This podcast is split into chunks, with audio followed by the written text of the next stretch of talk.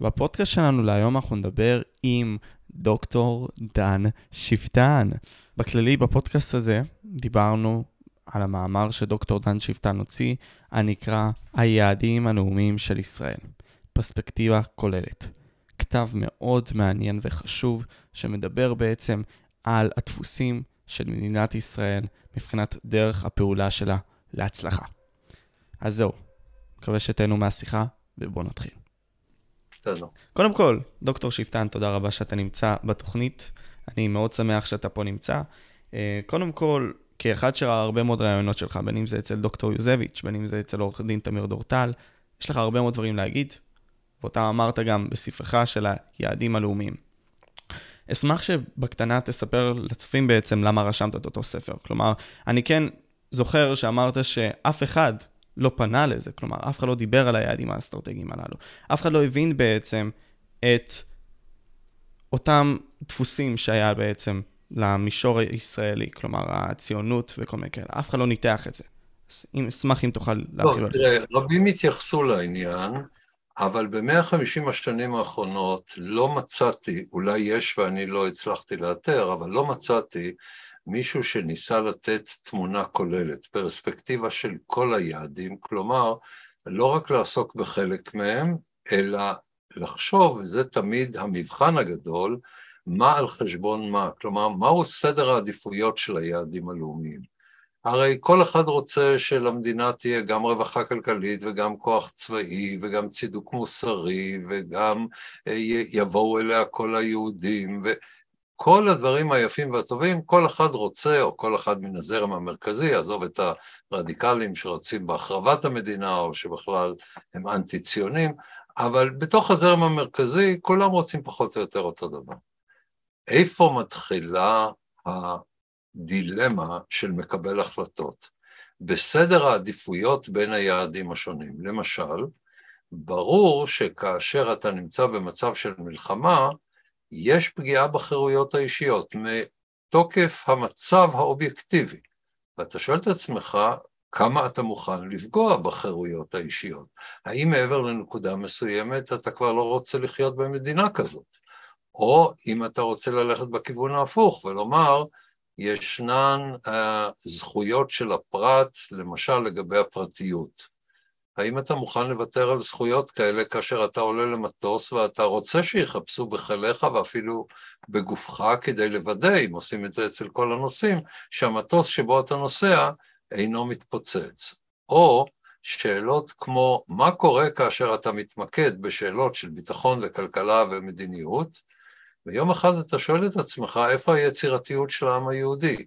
כלומר, לשם מה אתה מקיים מדינה? האם רק לצורך ביטחון פיזי של יהודים, או שאתה גם רוצה משהו שהוא ממהותו של העם היהודי, והשאלה גם איך אתה מגדיר את המהות הזאת. בקיצור, אני ניסיתי לתת תמונה כוללת, הופתעתי שלא נעשה ניתוח מסודר ונרחב, לפחות אני לא נתקלתי, יאירו את עיניי מאזינים, צופים, שאולי מצאו משהו שאינני מכיר, אבל אני לא מצאתי דיון כולל בכל המערכות האלה. זה היה גם דרוש לי אישית, כי אני במשך עשרות שנים מדבר עם מקבלי החלטות, ותמיד השאלה האם צעד מסוים משרת את היעדים הלאומיים, ואז כל אחד לפי תחושתו באותו רגע אומר כן משרת, לא משרת, אבל כל הנושא של היעדים הלאומיים לא זכה לדעתי מספיק לדיון שיטתי, רציתי לתרום לדיון כזה. אמנם מה שאתה רושם נניח באותו מאמר, המאמר הזה יהיה בתיאור למטה, אה, כדוגמה להשיב את העם היהודי להיסטוריה כעם מתפקד. משהו שבעצם היה דפוס של הציונות, בכללי של אותם דברים, בשביל אה, להביא אותנו למדינה הזאת, לארץ ישראל.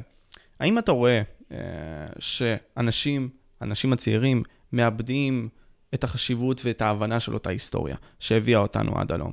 בין אם זה בגלל אותם ערכים פלורליסטיים, שמחזיקים אותנו בגלל האינטרנט, שמקרב אותי בן אדם אחר לבן אדם שני, וגורם לי כך שאני לא אשתייך ללאום שלי כל כך. אין לי חשיבות לזה.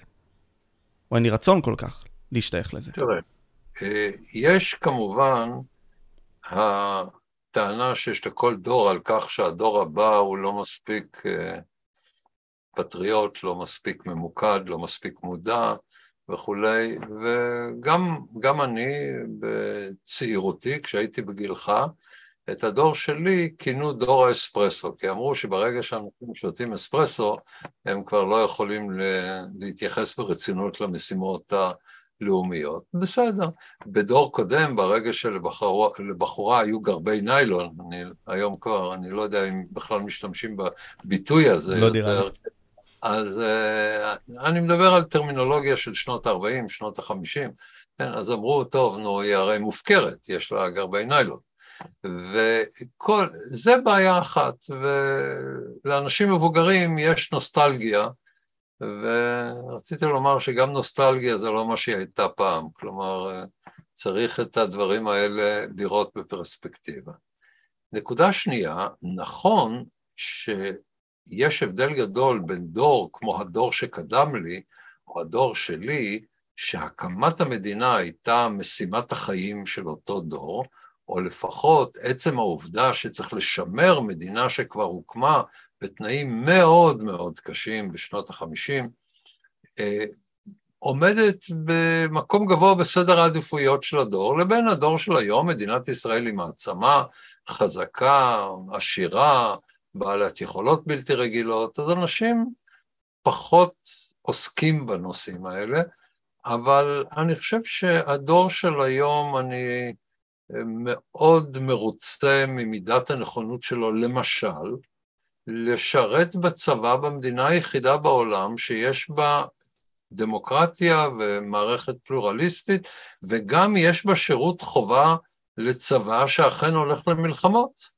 זה דבר מאוד מאוד ייחודי, ובחלק גדול מאוד של הציבור הישראלי, אני כמובן מוציא את הערבים והחרדים, הם לא חלק של החברה הישראלית לפי הבנתי, אה, במובן הזה, אה, במובן של מי שהקים את המדינה הזאת, מי שמגן עליה, מי שתורם לה, מי שתורם להצלחתה בתחומים רבים.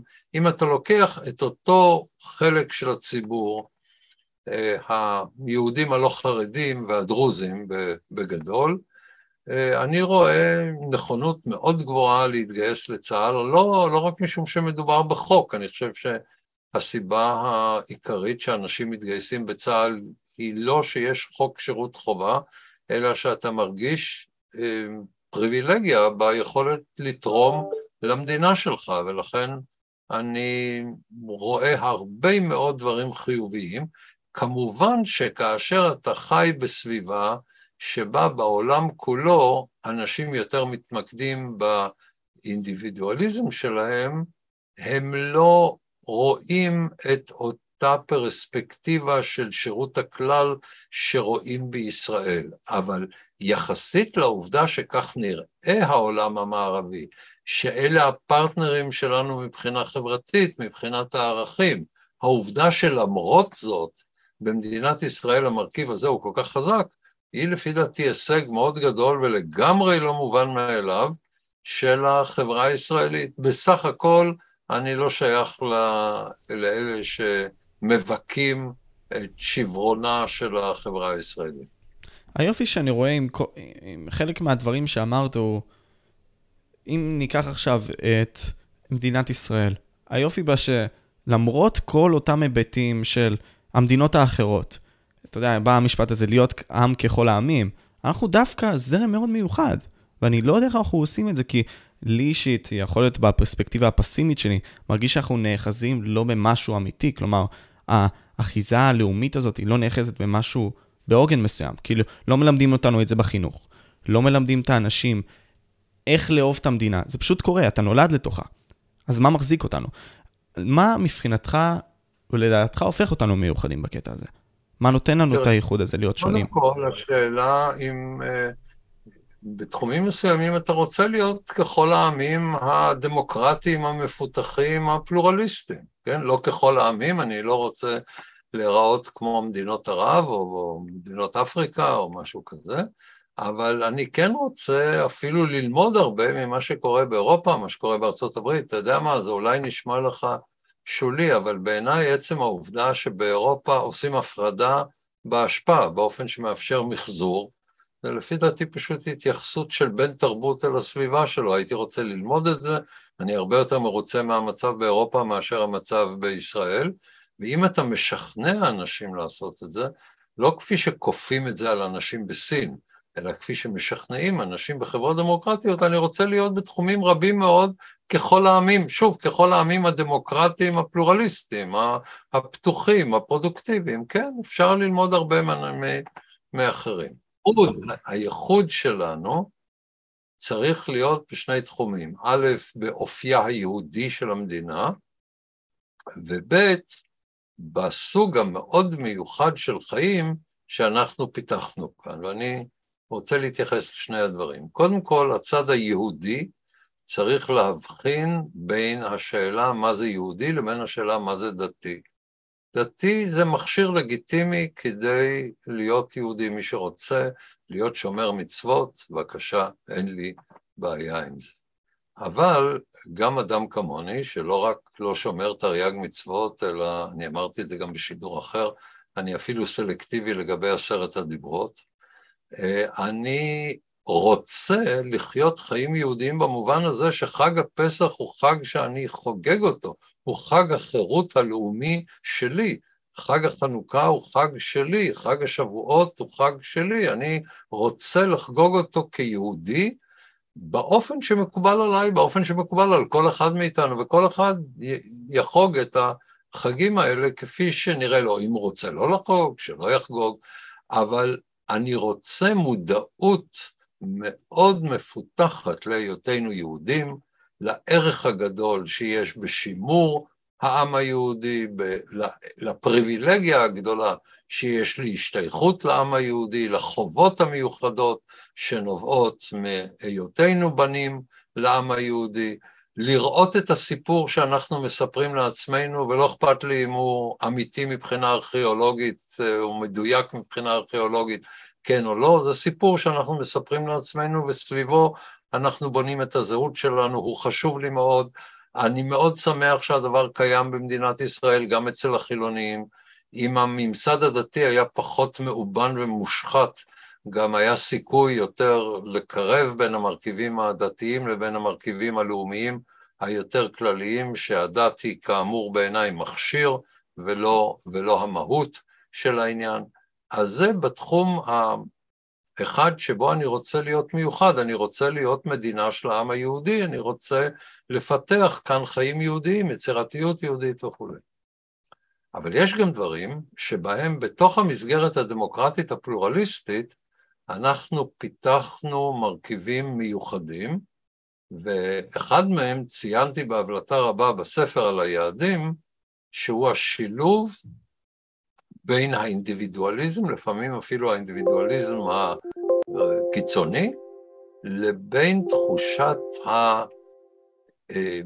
השבטיות במובן החיובי של המילה. שבטיות יכולה גם להיות ברמה מאוד שלילית ולהזיק בצורה חמורה ביותר, זה מה שקורה בעולם הערבי, כולל אצל הערבים אזרחי ישראל, מרכיבים שבטיים שבו לא אכפת לך אם אתה עושה את הדבר הנכון, אתה לא חושב על השאלה האם אתה תומך בזה או לא, אלא פשוט אין לך ברירה, אתה חלק משבט, ואז הזהות השבטית שלך משתלטת על כל המרכיבים האחרים ואתה לא פלורליסטי. אני מדבר על איזון הרבה יותר נכון, כמובן הרבה יותר נכון מאשר בעולם הערבי, אבל גם יותר נכון מאשר באירופה, בין החמימות של המשפחה ותחושת הסולידריות של היהודים, ואני לתוך הסולידריות הזאת מכריז, מכניס גם את הדרוזים בתור שותפים שלי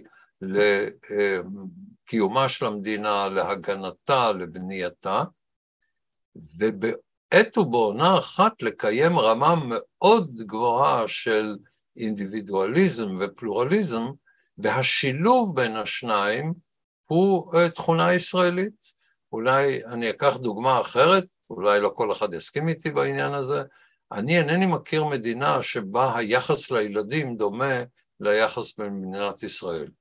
אה, אני טוען בכלל שישראל היא מדינה יהודית ופדוקרטית, כלומר היהודים, הילדים בשלטון.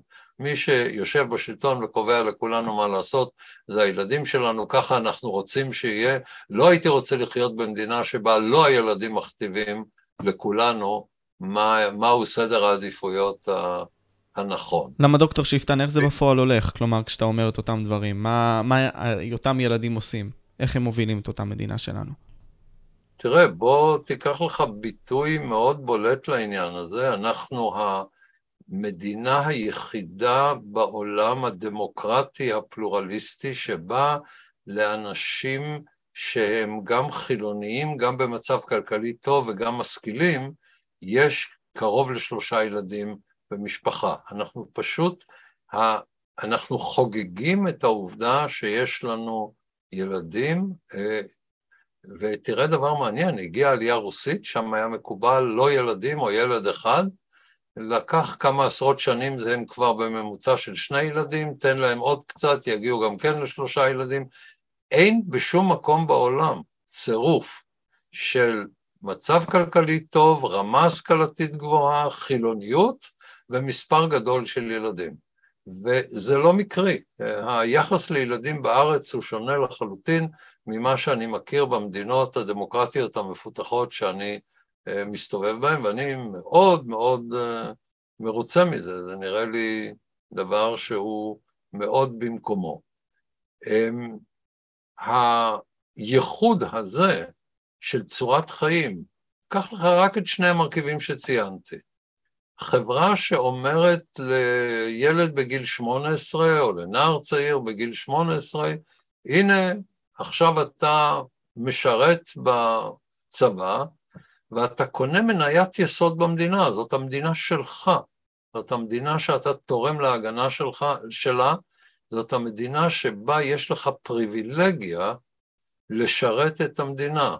והצבא מאפשר לאנשים מרקע שונה להיפגש ביחד, ואתה יודע, יש אה, זוג של עיתונאים עם מרכיב סוציולוגי שכתבו את הספר שכותרתו הפכה להיות מאוד ידועה, Start-Up Nation, והם אומרים שישראלים לומדים פלורליזם בצבא. עכשיו, יש כאן סתירה. אה, צבא זה המושג, זה, זה המוסד הכי פחות פלורליסטי לכאורה שאפשר להעלות על הדעת. הוא פירמידלי, הוא בנוי על אוטוריטה, הוא בנוי על פקודות וכולי. בכל זאת, צה"ל, אה, הצליחו לבנות את צה"ל באופן כזה, שאם תרשה לי קצת על דרך הליצנות, הייתי אומר, צה"ל הוא לא צבא. צה"ל הוא איזו הכלאה בין מיליציה לבין תנועת נוער. עכשיו, מה קרה? קרה שבישראל היא חייבת ליצור מצב שבו הצבא יש לו מרכיב חזק מאוד, השפעה חזקה מאוד על החברה. עכשיו, לכאורה, צבא מהסוג הרגיל, אם יש לו השפעה חזקה על החברה, אז החברה מקבלת יסוד שהוא מיליטריסטי. אבל בישראל הצבא עצמו הוא לא מיליטריסטי, ולכן אין לו השפעה מיליטריסטית על החברה. ושוב, אני לא רוצה לצייר את הדברים בצורה יותר מדי אידיאלית, כמובן שבכל הדברים שאני מדבר עליהם יש גם קשיים והכל הוא לא שחור ולבן, אבל בוא נגיד, הגוון של האפור מאוד מוצא חן בעיניי. כלומר, האיזון, אני חוזר לאותו עניין, האיזון בין המרכיבים השונים הוא איזון שתרם תרומה דרמטית להצלחתה של ישראל. קודם כל, ישראל שהתחילה את חייה עם שישה אחוז של העם היהודי, היום יש בה כמעט חצי מהעם היהודי. נכון.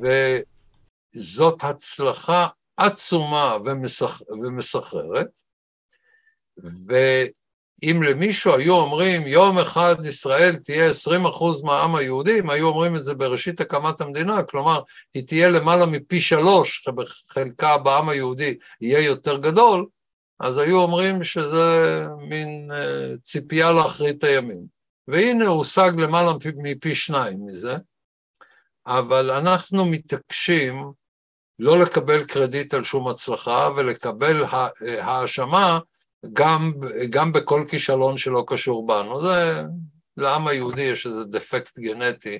יהודי צריך להרגיש אשם, אחרת הוא לא מאושר, או אני אגדיר את זה אחרת, אם יהודי לא מרגיש רע, הוא לא יכול להרגיש טוב. כדי להרגיש טוב הוא צריך להרגיש רע. בסדר, נו, אז יש לנו את כל ה... בשביל זה יש עיתון הארץ.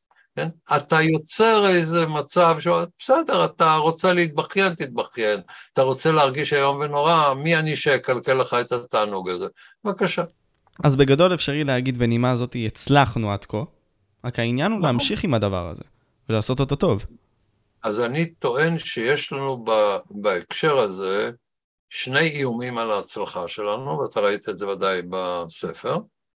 האחד הוא הגידול של האוכלוסייה החרדית, כי כל מה שאני יכול להעלות בדעתי שפסול, ממוקד, יותר מאשר בכל אוכלוסייה אחרת באוכלוסייה החרדית, וגידול השיעור של החרדים באוכלוסייה מאיים על עתידו של העם היהודי, לא פחות. כי אם הם יגדלו עד כדי כך שהם יכתיבו כאן את אורחות החיים, אז נהיה מדינה מפגרת, ענייה, חלשה, שתחוסל על ידי שכניה ועל ידי אחרים. כן? כי החרדים חיים על חשבוננו, חיים פרזיטים על חשבוננו, וזה כישלון שלנו.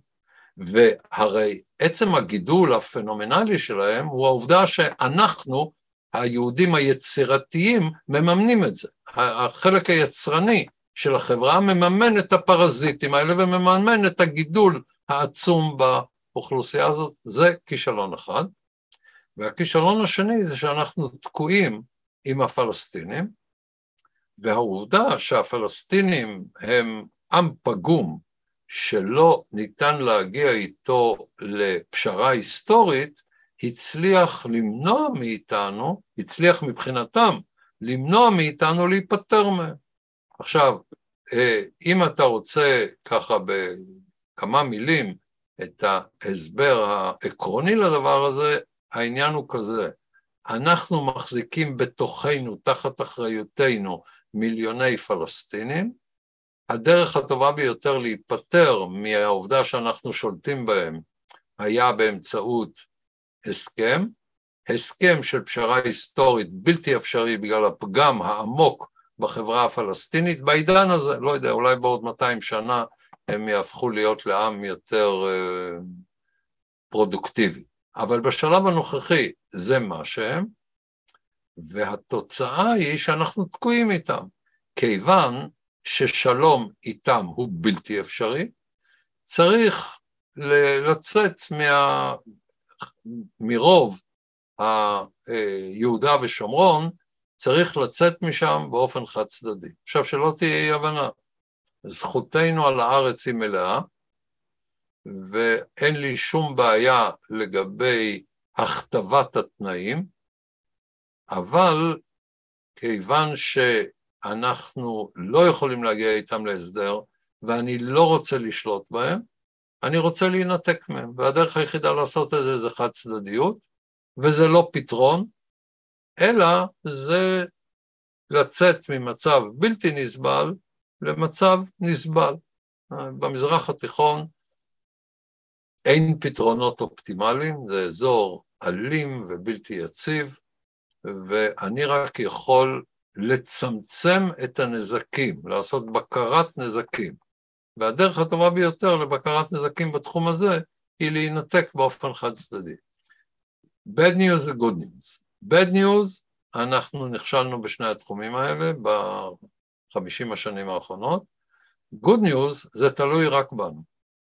אם מחר בבוקר קמה ממשלה ישראלית בלי חרדים, שלוקחת מהם את מאות המיליארדים שהם גונבים מאיתנו, הם יהיו חייבים לעבוד בכוח. אני לא רוצה לתת להם בכלל בחירה. הצורך לעבוד הוא לא דבר שצריך להיות בן אדם זכות לא לעבוד ולחיות על חשבון אחרים. ברגע שנפסיק לתת להם מיליארדים, הם ילכו לעבוד. ברגע שהם ילכו לעבוד, הם ילמדו, הם יפגשו בני אדם שמממשים את זכותם לחשוב, בניגוד למציאות שלהם היום, והם יממשו את מותר האדם מן הבהמה. ובאופן כזה, הם יהיו אוכלוסייה פרודוקטיבית, כי לא תהיה להם ברירה. אז מכיוון שלפי דעתי בכל התחומים החשובים אין מחלוקת גדולה בציבור הישראלי, אפשר להקים ממשלה ישראלית של בקלות 80 חברי כנסת, שיכולה להכתיב לחרדים ללכת לעבוד, וכל השאר כבר יבוא מעצמו. ברגע שנכפה עליהם, כי זה בדיוק מה שהרבנים שלהם מונעים מהם. הם מחנכים אותם כדי שיהיו unemployable, שלא יוכלו לעבוד, בלי לימודי ליבה, ואחר כך שיהיו פרזיטים, כדי שהם יבחרו לאותם רבנים שהורסים, שמאיימים על עתידו של העם היהודי. וגם בנושא של הפעולה החד צדדית, אני לא צריך שיתוף פעולה של אף אחד, לא של הפלסטינים ואפילו לא של ארה"ב.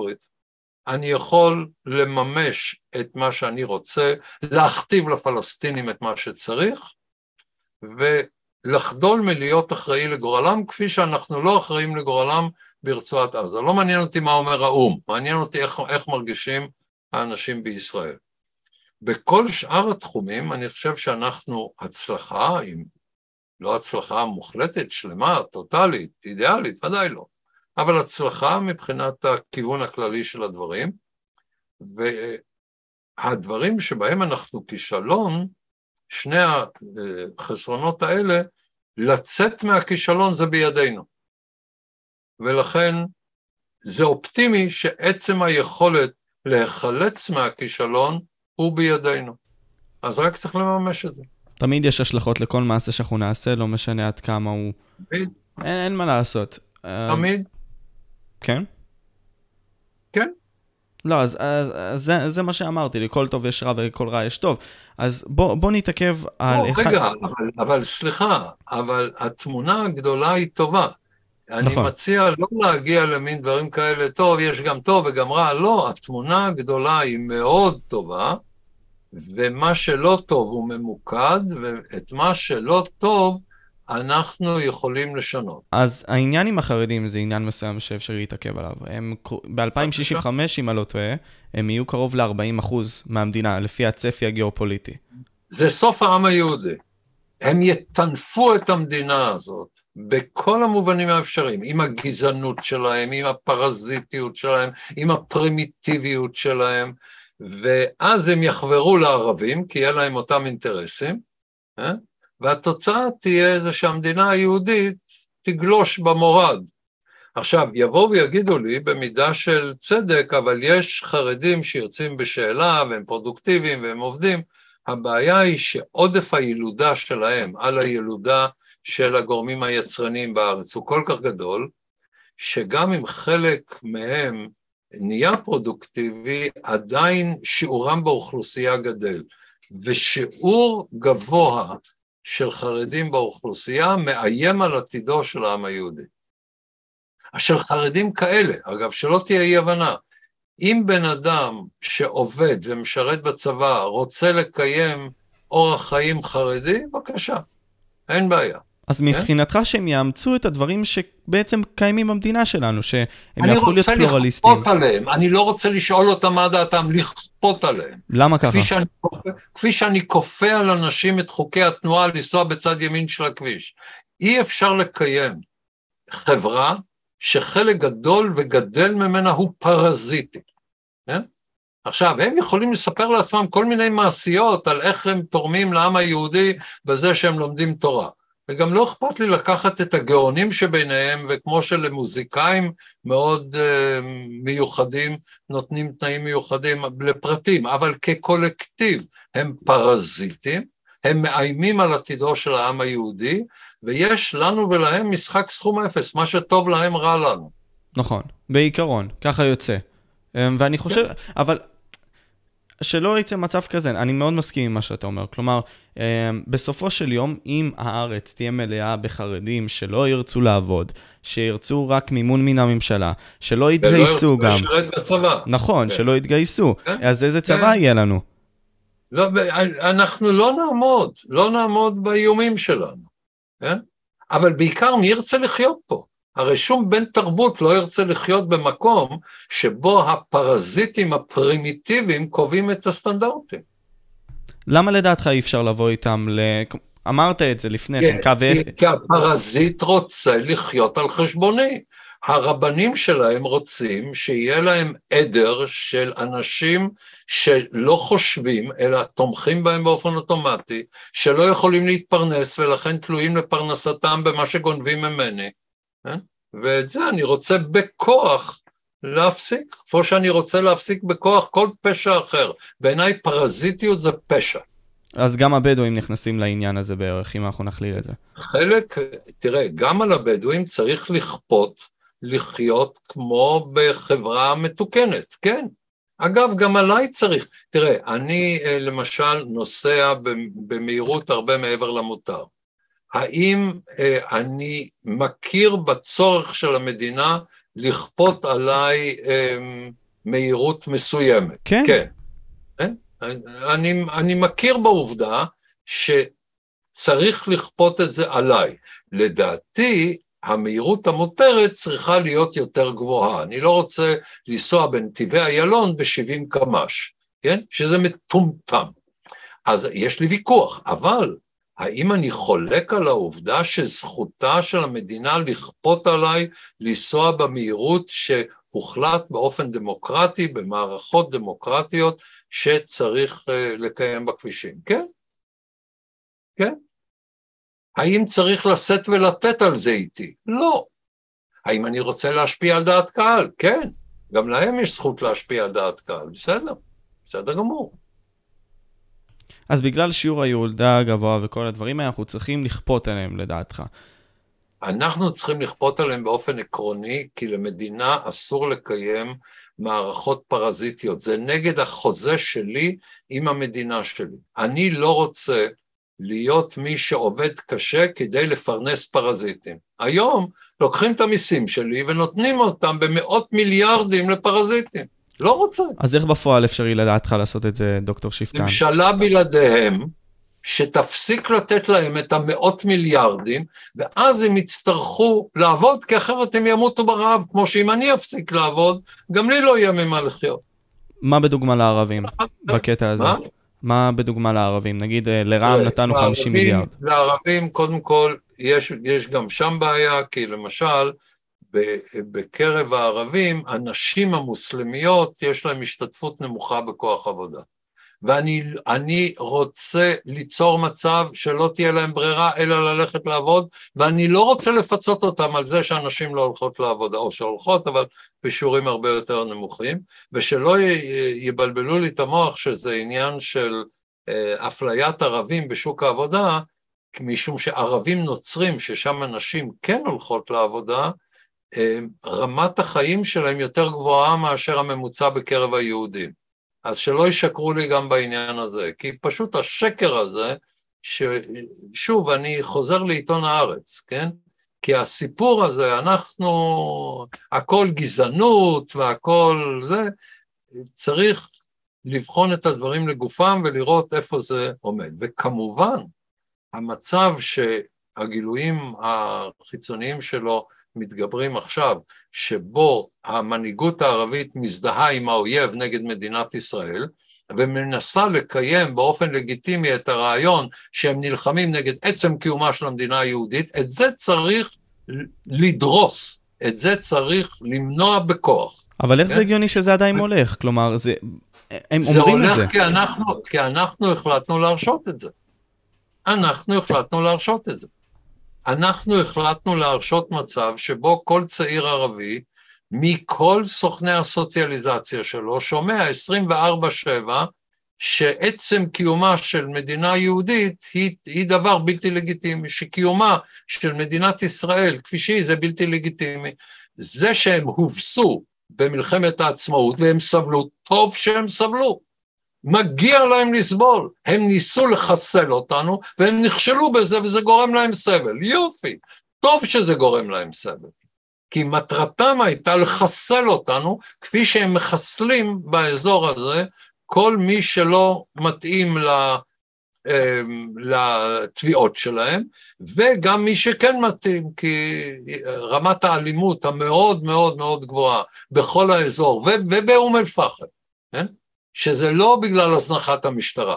להזנחת המשטרה יש משקל קטן מאוד בעניין הזה. זאת, זאת, זאת חברה אלימה, זאת חברה ששיעור האלימות בה מאוד מאוד מאוד גבוה, גם שיעור האלימות בתוך המשפחה, גם שיעור האלימות בין המשפחות, זה שלא ישקרו לי, ולצערי יש ישראלים שמקבלים את השקר הזה, אה, כאילו שזה פונקציה של הזנחה. המשטרה מזניחה הרבה דברים במדינת ישראל, ועדיין אה, אה, רמת, ה, רמת האלימות בקרב הערבים הרבה יותר גדולה מאשר במקומות אחרים, שגם אותם מזניחה המשטרה. אז ציינו לפני כן, דוקטור שפטן, על כל העניין הזה של החרדים, ואני חושב שגם הגענו לאיזושהי הסכמה, אז גם אתה אמרת את זה במיוחד, שלא משנה, מי שעכשיו לא מתנהג טוב במדינה, מי שעכשיו סוטה מן התלם בשביל לא למקסם את מה שהמדינה הזאת יכולה להיות, צריך לקבל את החוק, ואין מה לעשות, ככה צריך לחיות. אני מעוניין כאן לשאול, מבחינת אותם ערבים, קודם כל, משהו שמאוד הפתיע אותי, אבל שהם הם כן מרגישים איזושהי עילה ישראלית, כלומר, הם מרגישים חלק מישראל. מה מבחינתך, בכללי גם מעניין אותי, מה מבחינתך מגדיר ישראלי בזמנים שלנו, ב-2022? תראה, אני באופן עקרוני לא אוהב לנסח אה, עקרונות. אני, אני חושב שכל הניסוחים האלה לא, לא תורמים. בואו נדבר על מאפיינים, אבל צריך קודם כל לשאול, האם אתה רוצה להרגיש, האם אתה רוצה להיות ישראלי? אני חושב שהערבים רוצים את היתרונות של ישראל, בלי להיות ישראלים במובן שאתה ואני מקובל עלינו. כאן יש תפיסה שאומרת, הם הרי קוראים לעצמם פלסטינים בישראל. כן? אפילו לא פלסטינים ישראלים או ערביי ישראל, אלא פלסטינים בישראל. זאת אומרת, הם פלסטינים, זאת הזהות הלאומית שלהם, והיהודים השתלטו להם והקימו להם מדינה יהודית. עכשיו, יש דיסוננס מאוד מעניין בקרב הערבים, ואני מזכיר לך את המשמעות של המונח דיסוננס. לא מדובר כאן על איזה העמדת פנים שיש uh, דבר אחד שהוא אמיתי ודבר אחר שהוא לא אמיתי, ובן אדם אה, משקר בתחום אחד כדי להעמיד פנים אה, שהוא שייך לתחום האחר.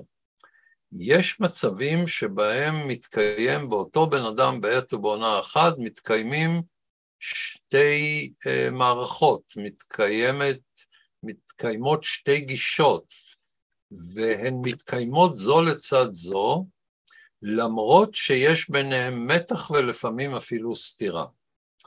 מצד אחד הערבים יודעים, לפעמים יותר טוב מאשר חלק מהיהודים, שישראל היא הצלחה מסחררת.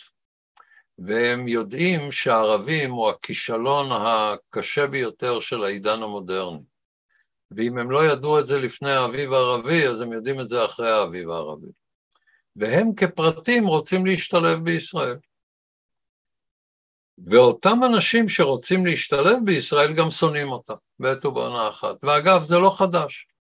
למה ערבים עזבו את העולם הערבי והלכו לחיות באמריקה? כי באמריקה חיים טוב ובעולם הערבי חיים רע.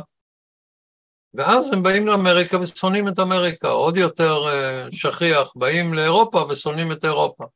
ועוד יותר מעניין, הרי מה הביא לחורבנו של העולם הערבי? לא השקר שמדובר בעוני. הרי עיראק, לוב, מדינות אחרות הן מדינות עשירות באופן מופלג, כן? הם נכשלו רק בגלל סיבה אחת, בגלל תרבות פוליטית ערבית. ואחר כך הם מביאים תירוצים, זה בגלל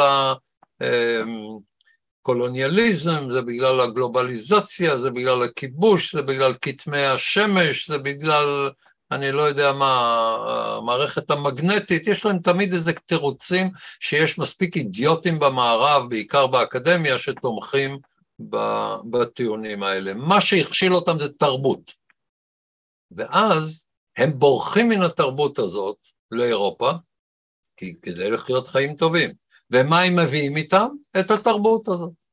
את היחס לנשים, את הגישה האנטי-פלורליסטית, את האלימות, את כל מה שהרס את העולם הערבי.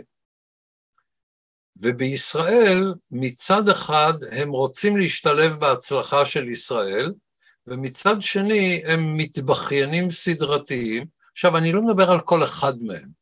יש ערבים פרטים, אנשים מאוד מרשימים, אני מדבר על שכיחות של תופעה בקיבוצים אנושיים שונים. כמו בחרדים, כמו שדיברנו לפני כן, על אותו עיקרון. כמו בקרב החרדים. תראה, גם בקרב החרדים יש אנשים שעובדים ומשרתים בצבא, והם מבחינתי אזרחים פרודוקטיביים, ואני שמח שהם נמצאים פה, וזה שאני לא מקבל את הדרך שבה הם, את יחסם לדת, אני מניח שהם לא מקבלים את יחסי שלי לדת. בסדר, אין לי בעיה עם זה, כן? כל זמן שאתה עובד ומשרת בצבא, אתה מבחינתי אזרח, טוב, אני מניח גם שאתה שומר חוק בתחומים אחרים, אתה מבחינתי, בבקשה, תהיה שונה, live and let live, כן? תן לכל אחד לחיות על פי דרכו כל זמן שהוא לא עושה את זה על חשבון אחרים. מה שקורה עם הערבים זה שלמרות שבציבור שלהם יש הכרה עמוקה בהישגיה של מדינת ישראל, בכישלונם של הערבים, באחריותם של הערבים לכישלונם, במגוון רחב מאוד של נושאים.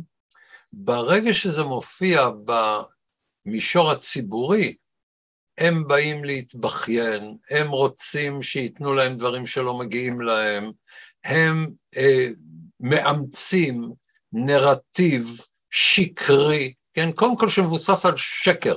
מה שהם מספרים על מה שהם קוראים הנכסה זה קודם כל שקר, עוד לפני כל דבר אחר. שקר בוטה. ולצערי יש יהודים שמשתפים פעולה עם השקר הזה, כמו השקרנים העלובים, התועמלנים, הפרימיטיביים, שמספרים לנו את הסיפור של טנטורה, שזה שקר נטו. כן? ואפשר להוכיח שזה שקר. וזה שעשו סרט על זה שזה לא שקר, לא עושה את זה פחות שקר. אז יש להם גם משת"פים של שקרנים יהודים. קורה. אבל הם מקיימים בעת או בעונה אחת את שני המרכיבים האלה, ועכשיו זה גם מגיע לידי ביטוי באלימות נרחבת, כי בתרבות המקובלת בעולם הערבי, כל הרעיון של הפלורליזם הוא מאוד חלש. כל המרכיב של חיה ותן לחיות הוא מאוד חלש. והם מכירים רק אחד משני מצבים, או שאתה מפחד ממישהו אחר, או שאתה תדאג שהוא יפחד ממך. ועכשיו שהם חדלו לפחד מאיתנו, כי מדינת ישראל החליטה לא לכפות עליהם את החוק, אז הם דואגים שאנחנו נפחד מהם. ולכן מה שמטריד אותי זה לא רק הברבריות של הערבים בערים המעורבות. אגב, היו גם חוליגנים יהודים, אבל זו הייתה תופעה זניחה בצד היהודי ותופעה הרבה יותר דומיננטית בצד הערבי. והבעיה היא שזה מקבל בדיעבד לגיטימציה. Mm. לגיטימציה לאומית. בדיוק. וכל השקר של הנכבה, כן? באים הסטודנטים הערבים כדי ללמוד מהיהודים וכדי להפגין נגד המדינה שלהם, להביא לחורבנה. כי לכאורה זה מה שצריך לעשות. אם, אם הנכבה היא לא בסדר, הנכבה זה התבוסה של הערבים שניסו לחסל את היהודים. זה הנכבה. וטוב שהייתה נכבה וחבל שהם לא סבלו יותר בנכבה, כי מגיע להם. דוקטור, כן? דוקטור שפטן, עם זה אני רוצה לשאול את השאלה. האם עצם העובדה שגם הסקטורים של החרדים, גם הערבים, מקבלים פאס, אז האם זה יוצר דימור... דימורליזציה אצלנו, האנשים הצעירים כן, שרואים את זה? כן, כן, כן. כי אתה שואל את עצמך, למה אני צריך לעבוד כדי שהחרדי יהיה פרזיט, ולמה אני צריך להגן על הערבים, ב... כי אני מגן גם עליהם במלחמה, כי אחרת יבואו הברברים וישחטו אותם, כן? למה אני צריך להגן עליהם כשהם עוזרים לאלה שנלחמים נגדי? בוודאי, בוודאי. ולכן זאת הטעות הגדולה של הממשלות, כל הממשלות במדינת ישראל. כיוון שהציבור היהודי הפרודוקטיבי הוא סובלני, אז הם מחפשים את הפתרון הקל. כי אנשים מפחדים מה יכתבו עליהם בעיתון הארץ ומה יגידו עליהם בטלוויזיה, ואיזה תמונות לא יפות יהיו, שיהיו תמונות לא יפות. הרי זה ההתמחות של החלאות. לייצר מצב שכדי להתמודד איתו התמונות צריכות להיות לא יפות. אז תיקח את זה כנתון, התמונות לא יפות.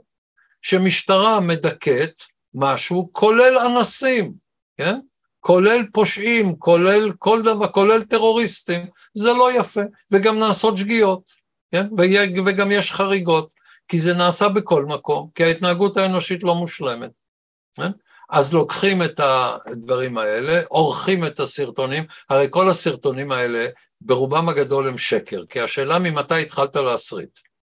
אם אתה לא מסריט את הפרובוקציה ואתה מסריט את הניסיון להפסיק את הפרובוקציה, אתה מצליח על ידי עיתונאים חסרי אחריות ליצור תמונה מעוותת וחולנית. בסדר, אוקיי? אז תלמד, זה המחיר של משטר דמוקרטי, מותר לשקר. לא רצוי להאמין לשקר, אבל מותר לשקר, ומשקרים. יש שני צדדים לאותו מטבע, חשוב לזכור את זה תמיד. לא, לא, לא, לא, לא, לא, כי אתה יוצר סימטריה, בשום פנים ואופן לא. יש צד שגם בלי שהצד האחד הוא מושלם, יש צד אחד שגם אם הוא לא שחור לגמרי, אז הוא, אז הוא אפור כהה מאוד, ויש צד שני, שגם אם הוא לא לבן לגמרי, הוא אפור בהיר מאוד. ומי שלא מבחין בין אפור מאוד בהיר לאפור מאוד כהה, הוא אנטי מוסרי. מי שעושה סימטריה בין השניים האלה, הוא חולה מבחינה מוסרית. Mm, כי... משום שכל הציוויליזציה האנושית בנויה על העדפת הטוב הלא מושלם, על הרע ה, אה, הלא לגמרי מאה אחוז רע. כן? כי אם אתה לא עושה את ההבחנה הזאת, אין ציוויליזציה. וסימטריה, שאומר, יש קיצוניים משני הצדדים. אין שקר יותר גדול, בוא נגיד ככה, אין משפט שהוא יותר נכון מבחינה טכנית, ושקרי יותר מבחינה ערכית ומוסרית ואנליטית, מאשר יש קיצוניים בשני הצדדים. עובדתית זה נכון, יש קיצוניים בשני, בשני הצדדים. אבל יש הבדל בין החברה שמי שקובע את הנורמות שלה זה הקיצונים, לבין חברה שיש בה חריגים קיצוניים. אז סימטריה כזאת, זאת סימטריה חולנית מבחינה מוסרית. אתה חולה מוסרי אם אתה עושה סימטריה כזאת, אלא אם כן יש סימטריה כזאת במציאות, כן? גם מבחינת היקף התופעה. אז בעיקרון הם לוק... כולנו לוקחים חלק, השאלה מה החלק שאנחנו לוקחים במשוואה, זה חשוב לזכור. לא, אני, שוב, אני, סליחה שאני ככה... מתעכב על זה, זה בסדר, זה יופי. סליחה שאני מתעכב על העניין הזה. אנחנו, ברגע שמשהו נשמע כזה, גם פה וגם שם, האמת היא איפשהו באמצע וכולי, זה חולני, זה מעוות. אתה צריך לשאול את עצמך שאלות לגבי מרכז הכובד. תראה, גם הצדיקים הגדולים שבכל התקופות לא היו מושלמות, לא היו מושלמים. וגם היטלר אהב את הכלבה שלו, כן? אז מה? כן? גם היטלר. היה צמחוני, כן? לא, עזוב, את, מי שלא מבחין בין מרכיבי ליבה למרכיבים שוליים, מי שלא מבחין בין תופעות חריגות לבין מה שרווח מאוד בחברה, הוא חולה מבחינה מוסרית ופסול מבחינה מוסרית, ולא צריך להקשיב לו. אוקיי. Okay.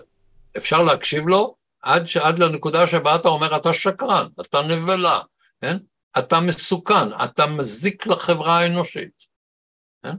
כי, כי הדבר הזה, טוב, נו, הכל, אה, יש קיצונים בשני הצדדים. לא. לא. זה נכון טכנית, אבל רק טכנית.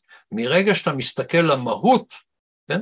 זה דבר שהוא אה, פסול מבחינה מוסרית. אלא אם כן יש מציאות סימטרית, גם זה יכול להיות, כן? אבל מציאות סימטרית זה מצב חריג.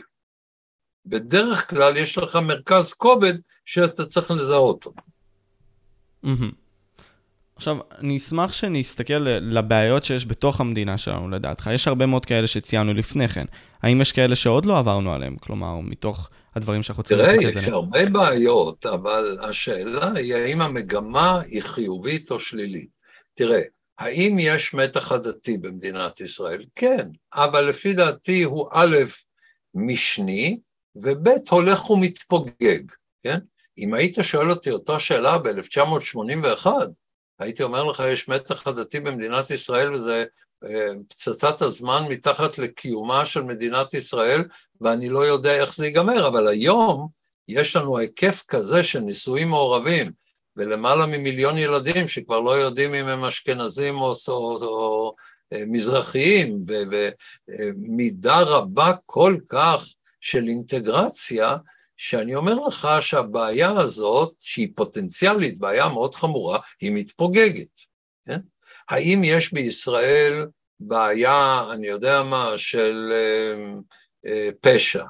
כן, אבל אה, יחסית למה שיש בארצות הברית, ואני משווה את עצמי רק למדינות דמוקרטיות מפותחות וכולי, עדיין המצב כאן הוא טוב מאוד, אבל הוא בין היתר הולך ומחמיר, משום שהמשטרה במדינת ישראל היא אינקומפטנטית בצורה קיצונית ועלובה במידה קיצונית, ואתה יודע מה, הייתי אומר שצריך להגביר מאוד את התקציבים למשטרה, אבל אם תיתן למשטרה הנוכחית יותר תקציבים, יהיה לך יותר שקרנות ופחות אחריות וכולי.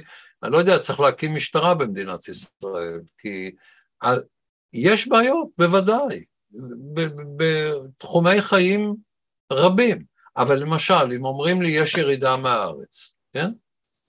אוקיי, אני מצטער שיש ירידה מהארץ, אבל אם אתה בודק את זה מול מדינות ה-OECD, ואתה רואה שפחות ישראלים פר קפיטה עוזבים את ישראל מאשר את רוב המדינות הדמוקרטיות במדינות ה-OECD, אז מצבנו, אז יש בעיה, אבל היא לא מכת מדינה. כמו בילודה, אותו דבר, אנחנו לא במצב יפן, בוא נגיד ככה, אנחנו במצב... לא, במצב, בילודה אנחנו במצב הכי טוב בעולם. נכון. שם, שם אנחנו במצב נפלא, כן, רק לשמור עליו, כן, מצידי יותר. אם אני הייתי מתחיל היום, היו לי שמונה ילדים, כן? אה, אה, שום דבר לא גרם לי יותר אושר ויותר שמחה מאשר לגדל את הילדים שלי. בסדר, כן, הייתי רוצה יותר. אבל אה, המצב שלנו שם הוא ממש ממש מצוין, ואני רק רוצה לשמור אותו. האם בסופו של דבר, אה, אם אנחנו ניכנס לבעיה הזאת, אתה ציינת את אתונה וספרטה מבחינת אתונה, בין אם זה בתוך המדינה, ואם מחוץ למדינה להיות ספרטה, שזה היבט מאוד מקיאוולי, אם אנחנו נסתכל על זה, כלומר... אה, אה, אני רוצה להראות לך כאן מה יש לפניי על שולחן העבודה. אתה רואה את הדבר הזה? אה, נסיך. זה פסל של מקיאוולי, ואני מקווה להיות ראוי לזה שהוא עומד לי על שולחן העבודה. אני מאוד, מאוד מאוד מעריך את, ה, את החשיבה שלו, היה איש מאוד מאוד מרשים. מה, מה מבחינתך תופס אותך במקיאוולי, אם אנחנו טיפה נתעכב עליו? שאתה צריך לשאול את עצמך מהן התוצאות של המעשים שלך. כוונות טובות לא מביאות לשום דבר בלי שהן מחושבות על פי התוצאה שלהן. אנשים, אתה מכיר את האמירה המאוד יפה שהדרך לגיהנום מרוצפת כוונות טובות, כן? נכון. אגב, לא רצופה, אלא מרוצפת, כן? paved with good intentions. אז אה, האחריות שנובעת מן השאלה, אני צריך להשפיע על התוצאות. והשאלה מה היו כוונותיי, אולי מעניינות את אימא שלי, אבל לא, לא צריכות לעניין את הציבור הרחב. אז אתה מאמין גם בעניין הזה של איש, לא, לא במאה אחוז אי שקיפות, אבל ישנה ויש צורך באי שקיפות לאנשים, כי זה לא אמור לעניין אותם, מה שהאנשים הגדולים עושים. לא, אני, תראה, אין לי התנגדות לניסיון לשקיפות, אבל אם הייתי במצב, למשל, אם הייתי עיתונאי שיודע דברים, על מקבל החלטות שהן רלוונטיות להחלטות שלו, הייתי כותב על זה. Mm-hmm. אם הייתי יודע דברים שלא רלוונטיים לקבלת ההחלטות שלו, הייתי שומר את זה בדיסקרטיות, כן? תראה, השקיפות יצרה מצב, גם בשקיפות אתה יכול להגזים, כן? וזה יצר מצב שאנשים לא עוסקים בשאלה מה טוב, אלא מה נראה טוב. והרבה יותר חשוב שאנשים יעשו מה שטוב מאשר מה שנראה טוב. עכשיו, זה תפקידו של מקבל ההחלטות להיות מניפולטיבי, כן? ו... ולהנדס, אני שופט אנשים לפי התוצאות, כן? תעשה מהלך, תהיה מנוול, תהיה זה, תעשה מהלך שהוא מהלך שהוא לפי דעתי חיובי, אני תומך בזה בהתלהבות. העיקר שבסופו של יום זה יביא לתוצאה טובה. כן, mm-hmm. זה בעיניי הדבר המכריע. ציינו פה היבט כזה ש... לפני כן גם הפלורליזם הזה, אפשרי להגזים עם כל מיני דברים. אה, גם הפלורליזם אפשרי להגזים, וזה עניין שגם חשוב להזכיר אותו. היכן אתה חושב שאפשרי לקחת הפלורליזם במדינת ישראל רחוק מדי? תראה, אני חושב שמי שנותן לגיטימיות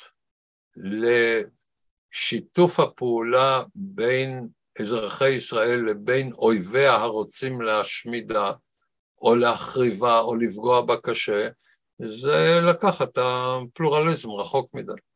כן? תראה, הרי למדנו מה שנקרא, על מה שנקרא בשם דמוקרטיה מתגוננת. מה למדנו מוויימר? מה למדנו מעליית הנאצים בגרמניה? כן, היום אסור לנאצים להקים מפלגה, אתה תגיד, זה אה, פוגע בפלורליזם. אתה, אין לי בעיה, תפגע בפלורליזם, בוא נדבר על השאלה כמה ובאיזה תחום.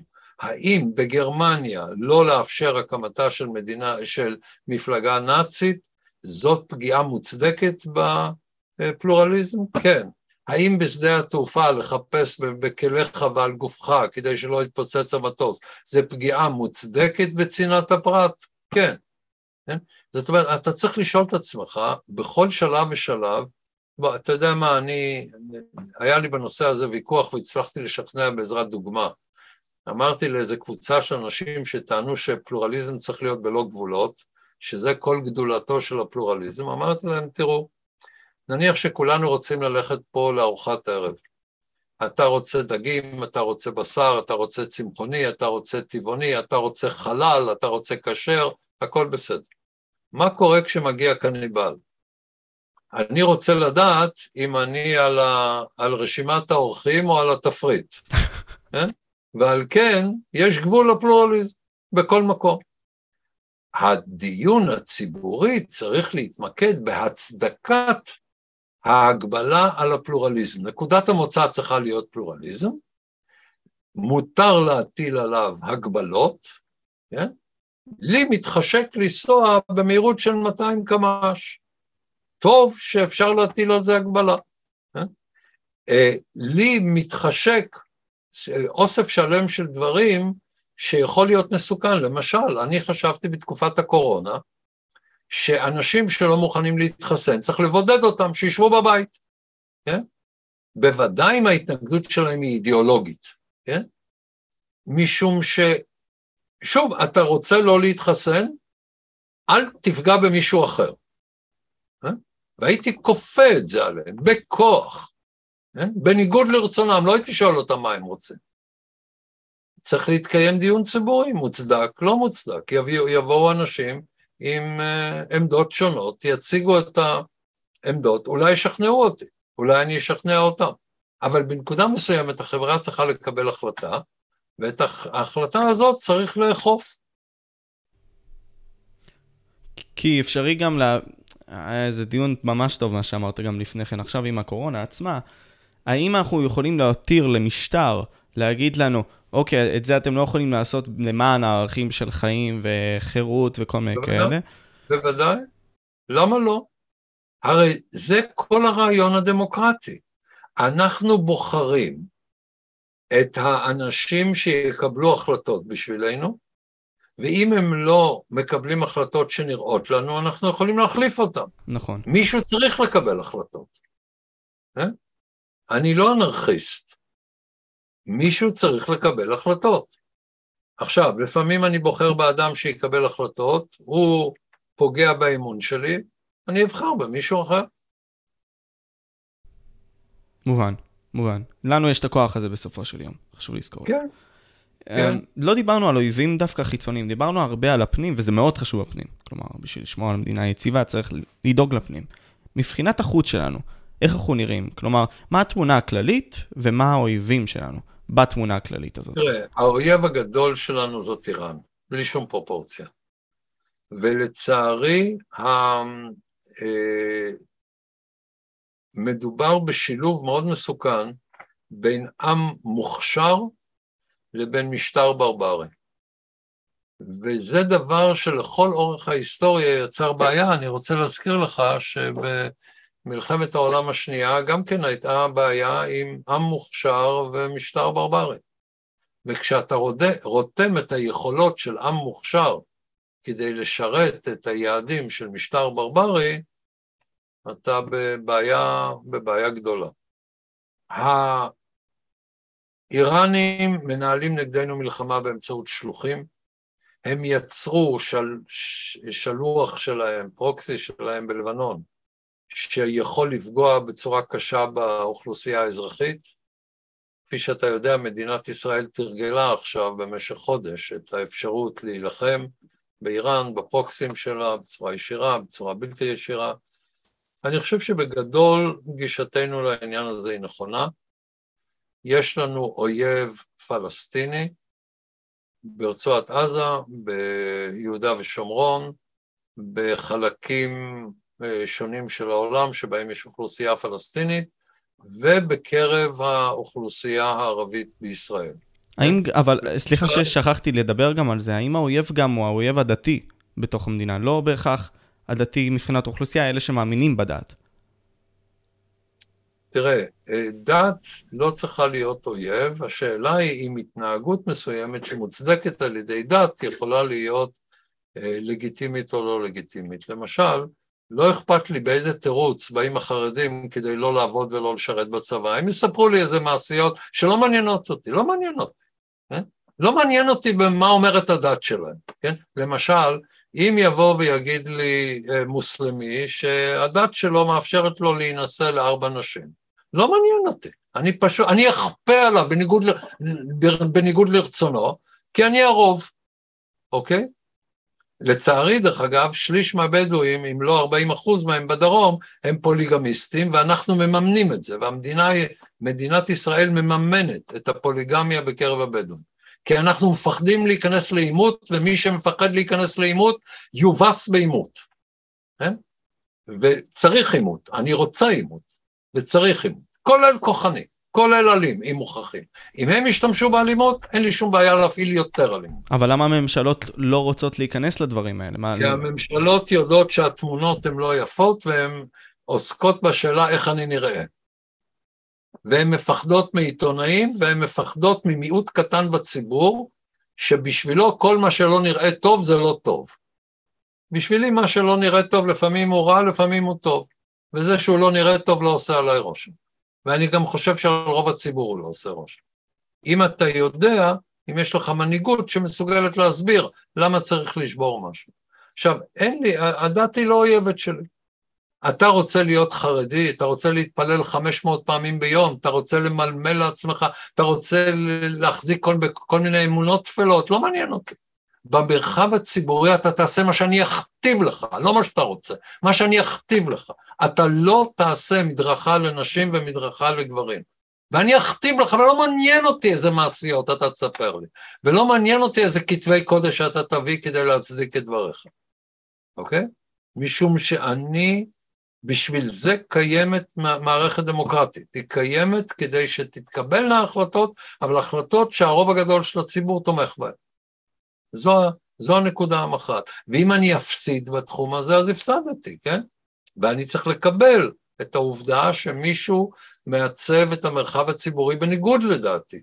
זה כל הרעיון הדמוקרטי, שאני חייב להשלים עם העניין הזה.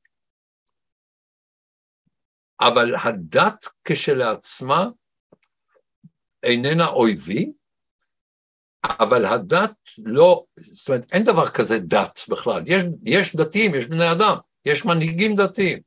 ואם הם רוצים להשתמש באמונות התפלות שלהם, או בכתבי הקודש שלהם, כדי לכפות עליי דבר, דברים בלתי נסבלים, אז אני לא אקבל את זה. אה? תראה, אני גם מבין שכתוב שצריך לסקול את, את הנואפת בעבדים, באבנים, כן? אז אנחנו מה, נקיים אה, אה, טקסים של סקילה? לא מעניין אותי, פשוט לא מעניין אותי, אני לא אתן להם. אבל זה לא הדת, אין דבר כזה הדת.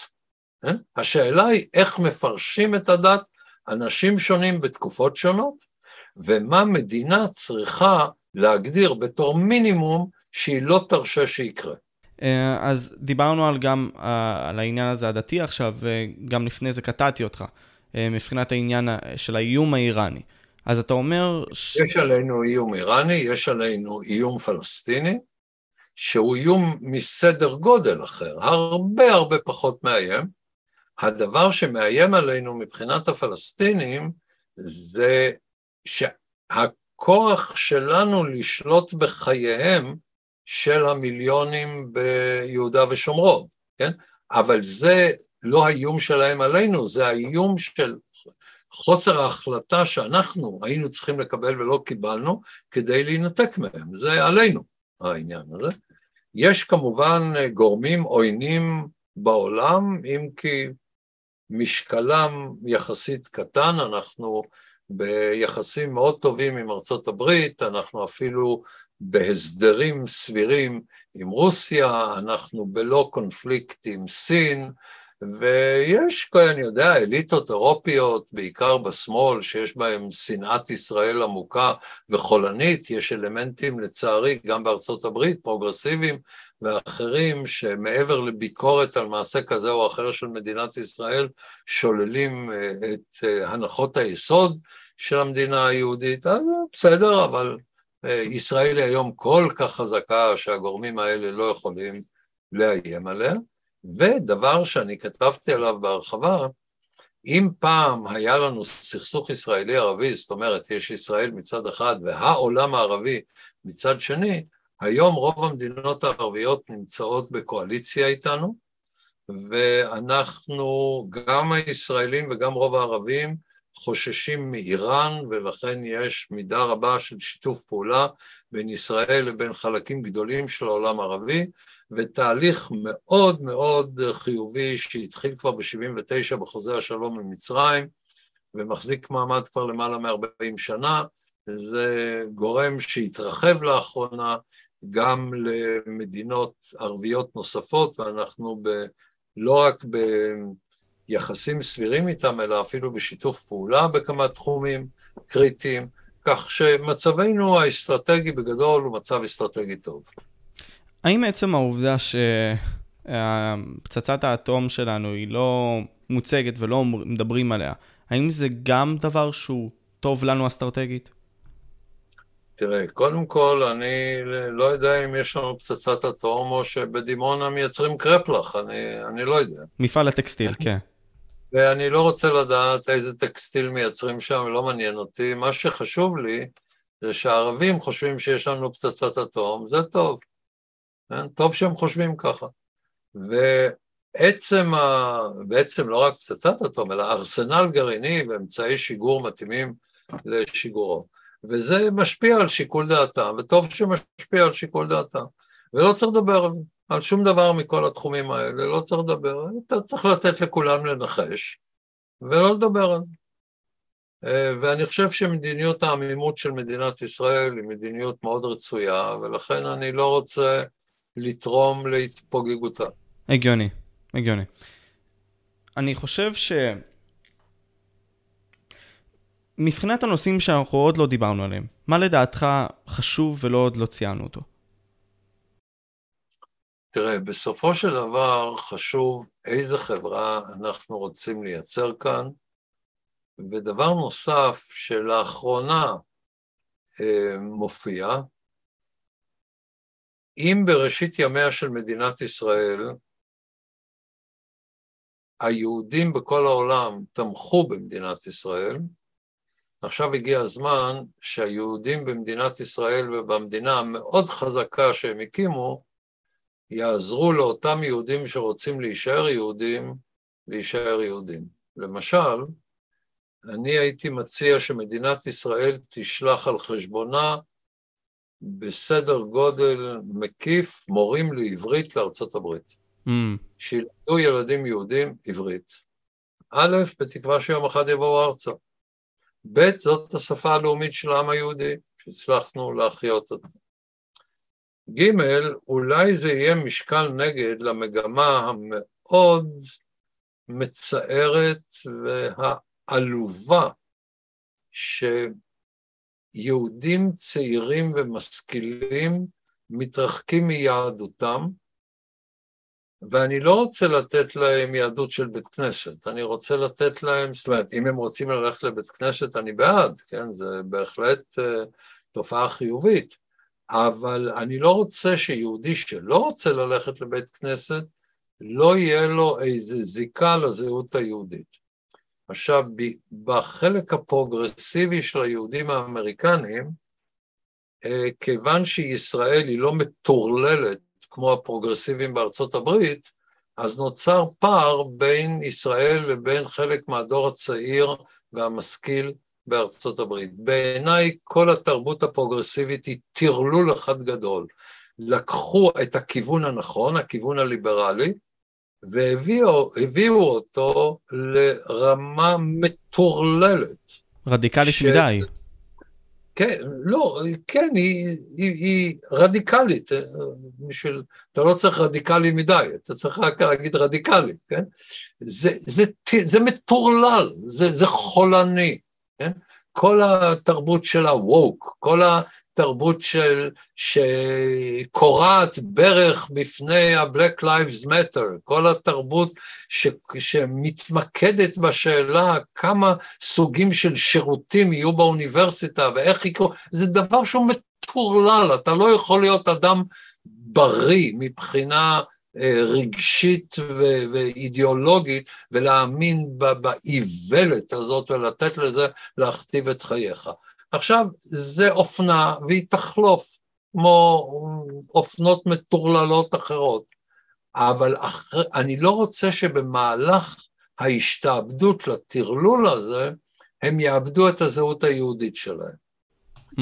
ולכן הייתי רוצה לעזור בכיוון הזה ולעזור לא לבוא לשם ולחנך אותם אידיאולוגית, זה לא תפקידנו, הם יפתחו את האידיאולוגיה שלהם, אבל לפחות לייצר את הקשר הזה לעברית, כן? לפחות לייצ... לשקף את העובדה שלמדינת ישראל, מעבר להבדלים פוליטיים, אכפת מהם ושאנחנו רוצים קשר איתם, כן? והאמת היא שזה לא בגלל שאנחנו זקוקים להם, אלא משום שאנחנו יודעים שהם זקוקים לנו. כאן התהפכו היוצרות, כן? פעם אתה לא יכולת להחזיק את מדינת ישראל בתהליך של פיתוח בלי תרומות של המגבית. היום זה זניח, זה אפילו לא שולי, כן? ואנחנו יכולים להרשות לעצמנו.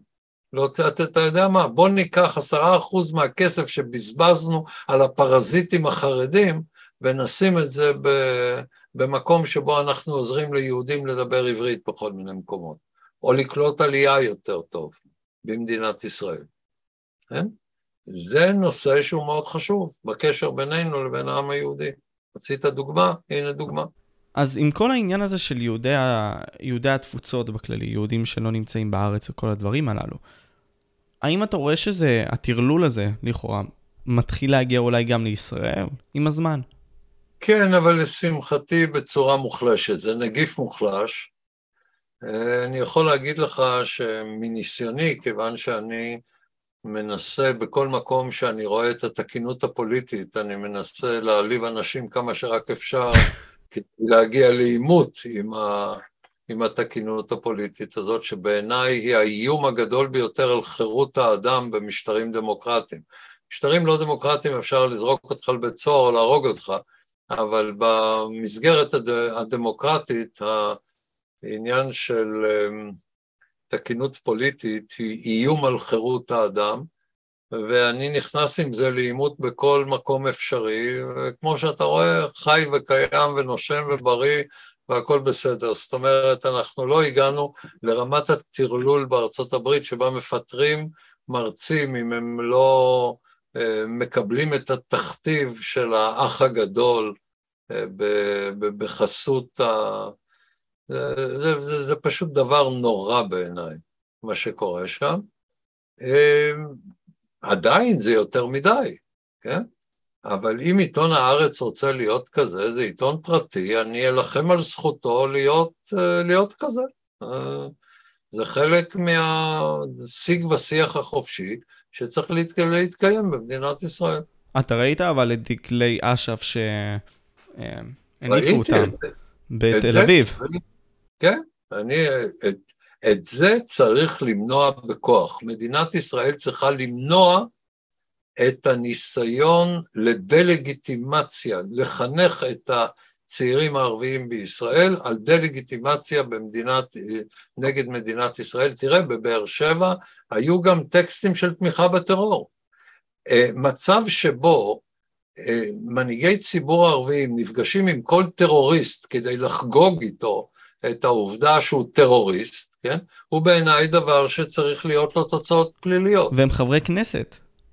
כן, עכשיו חברי כנסת יש להם חסינות מסוימת ואתה צריך גם לשאול את עצמך עד איפה החסינות הזאת מגעת, כן? אבל למשל הייתי רוצה להביא את הנושא הזה, הרי מי שנותן להם את החסינות, מי שיכול להסיר את החסינות זה ועדת הכנסת, כן? אז אולי צריך, ברגע שמדובר בתמיכה בטרור, אם אתה עם טרוריסט, אתה תומך טרור, כן? אם אתה לא מגנה טרוריסט, זאת אומרת, אתה, אם אתה לא נפגש איתו, אתה לא, לא צריך לכפות עליך לגנ, לגנות אותו, כן? אבל אם אתה עושה מפגש הזדהות עם טרוריסט, אתה אשם בהזדהות עם טרור, בלי חוכמות. וכל ההתחכמויות האלה, צריך למצוא להם פתרון בחקיקה, וצריך לכפות על השופטים על ידי אה, חוקי אה, עונשי מינימום בחקיקה, כן, שלא יצליחו להמשיך, כי יש לנו במערכת המשפטית לא רק בעניינים של ערבים, גם בעניינים של פושעים בכלל.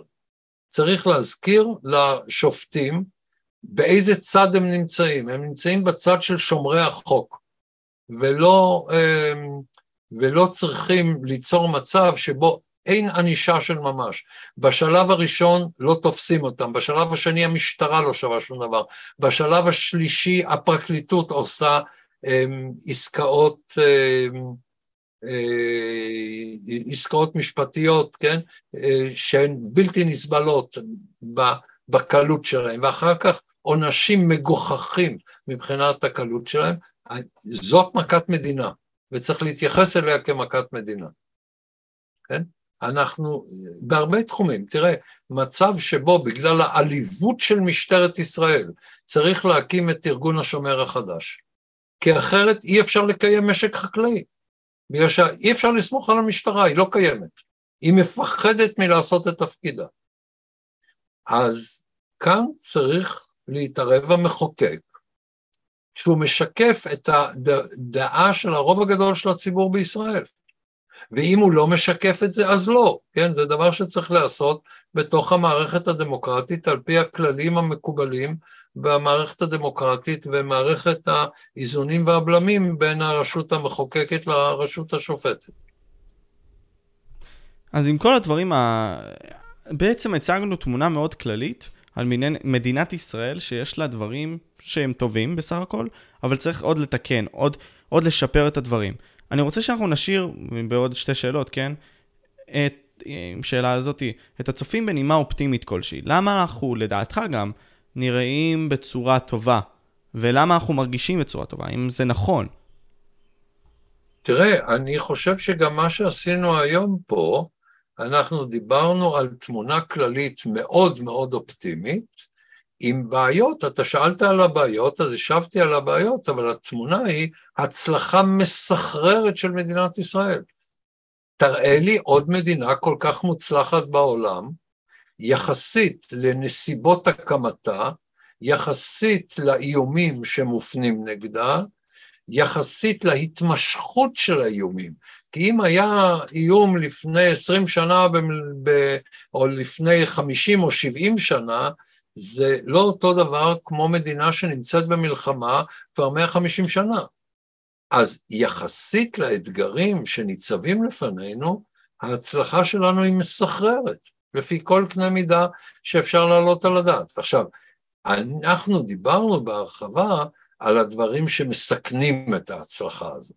החרדים, המשך השליטה ביהודה ושומרון, אני יודע, בעיות במערכת המשפטית ואכיפת החוק. איראן. אה, איראן, יש הרבה נושאים שמאיימים, אבל בוא נגיד כך, ישראל כל עשור יותר חזקה מאשר בעשור, בעשור שלפניו, במכלול התחומים.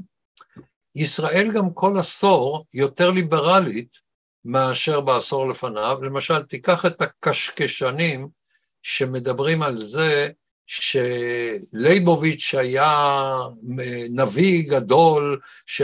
ליבוביץ' טען שאם יתמשך הכיבוש, אנחנו תוך זמן קצר יהיו כאן גרדומים ברחובות ונהיה מדינת שב"כ וכולי. עכשיו, כפי שאתה יודע, אני לא בעד התמשכות השליטה שלנו ביהודה ושומרון, אבל אנחנו כבר 50 שנה שם, ומצב החירויות במדינת ישראל הרבה יותר טוב מאשר לפני 67. האם זה מספיק טוב בשבילי? לא. לא. האם ידעתי מה, מה, מה כדאי לעשות כדי לשפר את זה עוד? כן.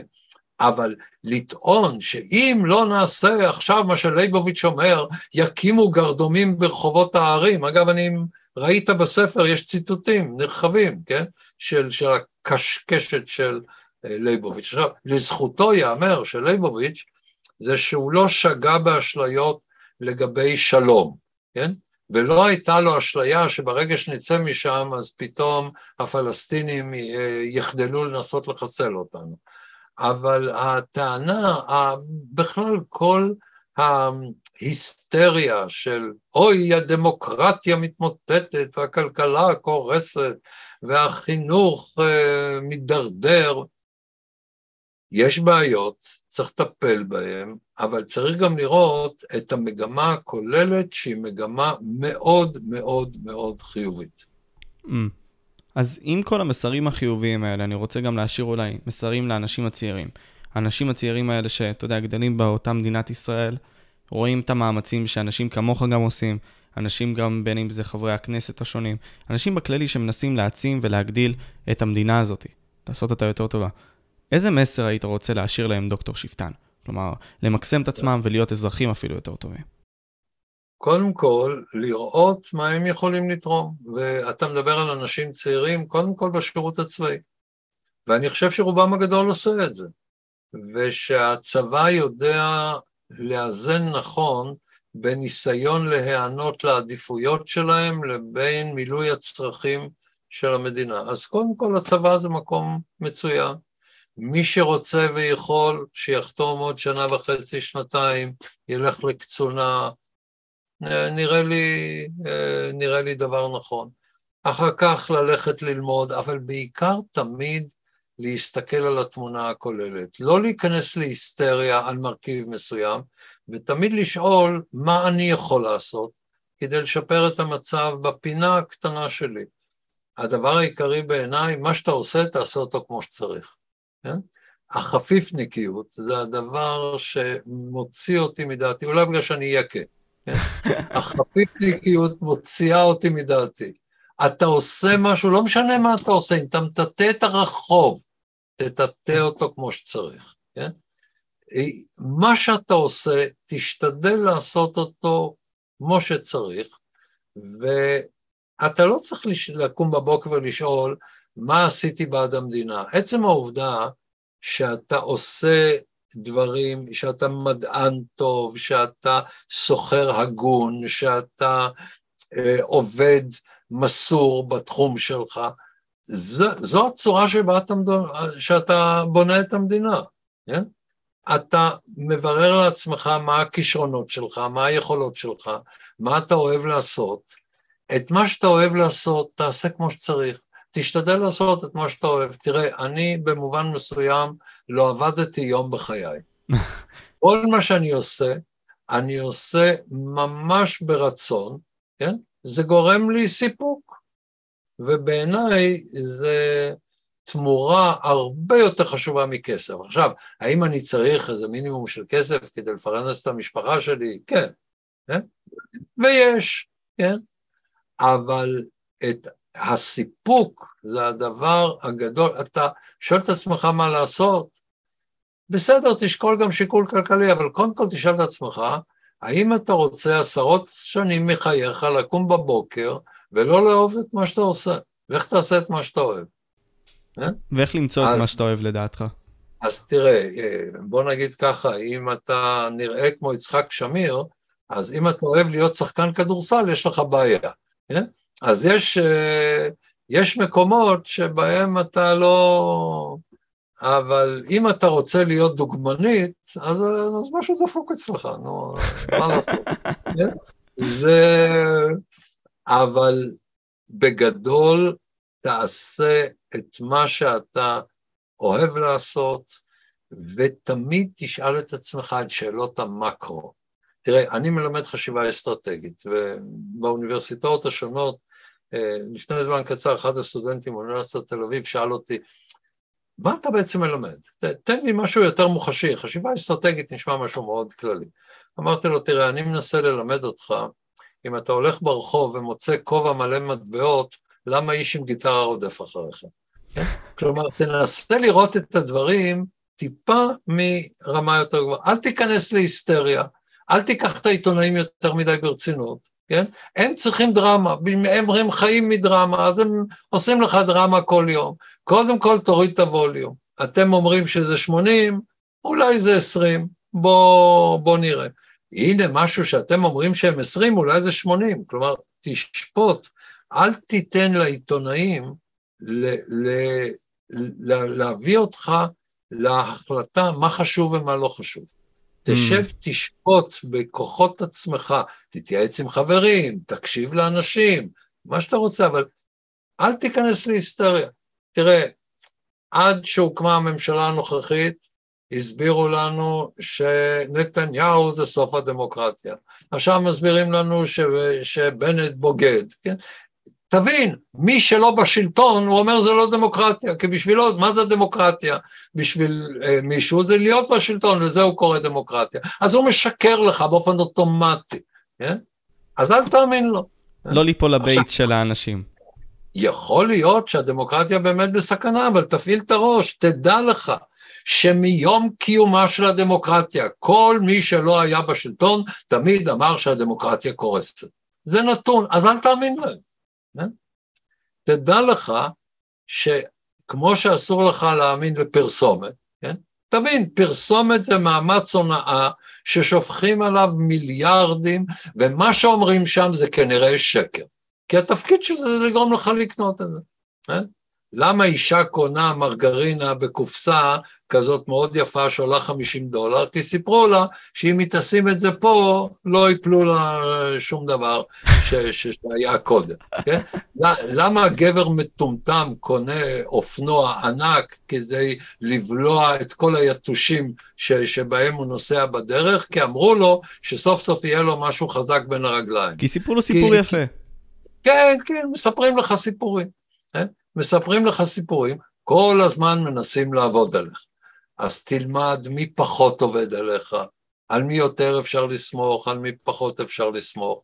אני לא אומר אל תסמוך על אף אחד, אבל ת, תמיד תפעיל את שיקול הדעת שלך. כי יכול להיות שמישהו שעד אתמול יכולת לסמוך עליו, מחר אתה כבר לא יכול לסמוך עליו, גם זה קורה. כן? אבל תפעיל את שיקול הדעת. הביקורתי. תפ... הביקורתי, כן? אבל אל תהפוך את הביקורת עצמה לאיזה פטיש, כן? מה שחשוב זה תפעיל, שמע, יש לי פה שלט על השולחן, שכתב אותו איי-איי מילן, זה, זה שכתב את פו הדוב. אני בכלל לא אוהב גם את פו הדוב, אני חסיד נלהב של דיסני, אז יש, השלט אומר כך, The third rate mind is only happy when it is thinking with the majority. The second-rate mind is only happy when it is thinking with the minority. The first-rate mind is only happy when it is thinking. כן? עכשיו, בתרגום לעברית, למי שעדיין לא למד אנגלית, מוח מן המעלה השלישית מאושר רק, רק כשהוא נמצא יחד עם הרוב, ומוח מהמעלה השנייה מאושר רק כשהוא חושב יחד עם המיעוט, ומוח מהמעלה הראשונה מאושר כשהוא חושב. תחשוב. תחשוב. ואני חשבתי הרבה, חשבנו ביחד, דוקטור שפטן, בשעה וחצי האלה, והיה לי התענוג לארח אותך. תמשיך במה שאתה עושה, ואני יודע שאתה תמשיך, ומקווה שאתה תמשיך לעוד שנים ארוכות. אה, וזהו, בעיקרון. תודה רבה לך, אני מאוד מעריך אותך. תודה גם לך, כל טוב. ואני הייתי משה וויטוק פודקאסט, וזה היה דוקטור דן שפטן. אל תעריץ אף אחד. תעריך, כן. להעריץ זה מושג של אלילי פופ. כן? אני, יש לי הערכה אדירה לבן גוריון. לא מעריץ אותו. כן? בן אדם לא צריך להעריץ בן אדם אחר, בעיניי. להעריך מאוד, כן, ללמוד, כן, לא להעריץ. אנחנו לא מושלמים, אין לנו את השלמות לא, הזאת. לא, לא, לא, יש אנשים שהם מושלמים, זה אידיוט מושלם. כאלה אני מכיר הרבה. אידיוטים מושלמים אני מכיר הרבה. נסיים עם הנימה הזאת, אידיוטים מושלמים. כל טוב. יאללה, תודה רבה, היינו פה, ביי.